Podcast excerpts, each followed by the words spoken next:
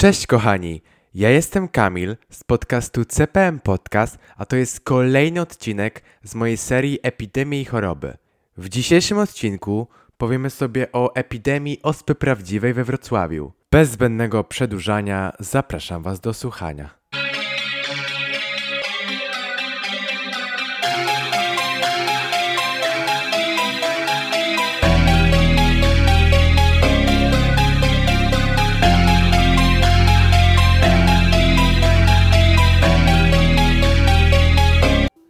Epidemia ospy prawdziwej we Wrocławiu to przede wszystkim jedna z najgroźniejszych epidemii, które wybuchły na terenie współczesnej Polski oraz ostatnia w Polsce, jak i w Europie, epidemia ospy prawdziwej. Epidemia wybuchła latem 1963 roku we Wrocławiu. Pacjentem zero okazał się wracający z Azji. I tutaj nie ma jednej wersji co do kraju, ale przypuszcza się, że były to albo Indie, albo Birma, inaczej Myanmar lub Wietnam. Bonifacy Jedynak, oficer służby bezpieczeństwa. W Azji był na wizycie służbowej, z której przywiózł gorączkę, dreszcze i pojedyncze, podobne do trądziku, wykwity na skórze. Bonifacy Jedynak urodził się 15 stycznia 1920 roku w Czarnieckiej Górze, leżącej na terenie dzisiejszego województwa świętokrzyskiego. Był generałem brygady milicji obywatelskiej. Pełnił funkcję dyrektora generalnego w komunistycznym Ministerstwie Spraw Wewnętrznych. Po epidemii ospy należał do grupy osób, które uczestniczyły w przygotowaniach do wprowadzenia stanu wojennego w Polsce. 22 grudnia 1984 roku został zwolniony z funkcji dyrektora generalnego, a 5 lipca 1985 roku złożył dymisję z Ministerstwa Spraw Wewnętrznych. Mężczyzna zmarł 1 sierpnia 2013 roku i spoczywa na cmentarzu północnym w Warszawie.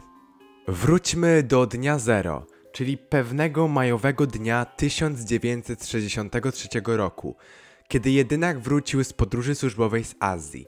Wrocławscy lekarze nie podejrzewali niczego groźnego, lecz skontaktowali się z kolegami z Instytutu Chorób Tropikalnych w Gdyni. Gdyńscy specjaliści zaczęli podejrzewać malarię. Mężczyzna został odizolowany w szpitalu przy ulicy Ołbińskiej we Wrocławiu i w krótkim czasie wyleczony oraz wypuszczony do domu. Diagnoza malarii okazała się trafna, lecz okazało się, że chory był zarażony również ospą prawdziwą, którą przekazał salowej Janinie Powińskiej, opiekującą się jego izolatką. I to ona posiała chorobę dalej. Kolejną zakażoną osobą była córka salowej, Lonia Kowalczyk, która pracowała jako pielęgniarka. U Janiny choroba okazała się wyjątkowo łagodna, ale jej córka nie miała już takiego szczęścia. Tutaj cytat. Jeszcze zanim wystąpiły pełne objawy, choć już na etapie zakażenia pomagała w organizacji wesela szwagierki, w którym brało udział około 100 osób. 3 lipca kobieta zemdlała podczas egzaminu na doszkalającym kursie dla pielęgniarek. Przewieziono ją do szpitala, gdzie choroba zaczęła rozwijać się w ogromnym tempie. Pojawiły się krwawe wybroczyny na błonach śluzowych ust i nosa, a nawet spojówkach oczu. Towarzyszyły im krwawienia wewnętrzne, zapalenie płuc i szereg innych objawów. Mimo tego, podczas dwukrotnego badania przez specjalistę, wykluczono chorobę zakaźną, podejrzewając uczulenie na antybiotyk, a potem piorunująco przebiegającą białaczkę. Lonia Kowalczyk miała 28 lat i zmarła 5 dni po omdleniu. Pielęgniarka została uznana pierwszą ofiarą epidemii ospy prawdziwej we Wrocławiu. To nie był koniec dramatu w rodzinie Salowej. Na ospę zachorował również jej syn, który zmarł w bardzo szybkim tempie. Ospa nie oszczędziła również lekarza, który zdiagnozował Janinę Powińską. W tym samym czasie do szpitala trafia czteroletni chłopiec, wykazujący objawy zakażenia ospą wietrzną. I taka też byłaby diagnoza, gdyby nie fakt, że pacjent niedawno przeszedł tę chorobę. Człowiekiem, który połączył wszystkie fakty i doszedł do zatrważającej konkluzji, okazał się dr Bogumił Arędzikowski z Miejskiej Stacji Sanitarno-Epidemiologicznej. Okazało się, że Wrocław nie ma do czynienia ze zwykłą ospą wieczną, lecz z czymś o wiele groźniejszym. Lekarz przeanalizował wszystkie przypadki zachorowań, które zaczynały się układać w logiczny ciąg powiązany z kontaktami między chorymi. Ostatecznym dowodem stał się czterolatek, który miał kontakt z salową. Janiną Powińską i który nie miał prawa zachorować na ospę wietrzną.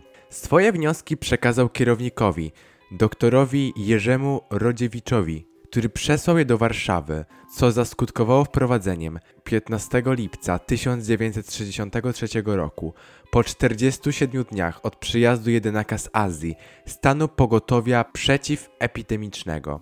Dwa dni później, 17 lipca 1963 roku, w mieście ogłoszono stan epidemii. Warszawa nakazała wysłać do Wrocławia 10 tysięcy szczepionek wraz z ówczesnym ministrem zdrowia Janem Kostrzewskim. Stał się on dowodzącym akcji VV z łacińskiego variola vera, ospa prawdziwa. Od 17 lipca zaczęto przygotowywać izolatki i szpitale dla chorych. Odizolowanych od społeczeństwa zostało ponad 1462 osoby, u których wystąpiło podejrzenie zakażenia wirusem ospy prawdziwej. 18 lipca padł pierwszy komunikat dla wszystkich mieszkańców Wrocławia. W gazecie robotniczej wrocławianie mogli przeczytać krótki artykuł informujący o wystąpieniu pięciu przypadków zakażenia ospą prawdziwą w ich mieście. Nie chcąc spowodować wybuchu paniki, władze zdecydowały o ograniczeniu wiadomości wypuszczanych przez prasę i nawoływaniu do szczepień. Równocześnie uruchomiono ogromną akcję szczepień. Obawiano się protestów i oporu. Za odmowę zaszczepienia groziła kara do trzech miesięcy więzienia. Na szczęście wrocławianie zrozumieli zagrożenie i sami zgłaszali się na szczepienia. W samym Wrocławiu zaszczepionych zostało 98% mieszkańców.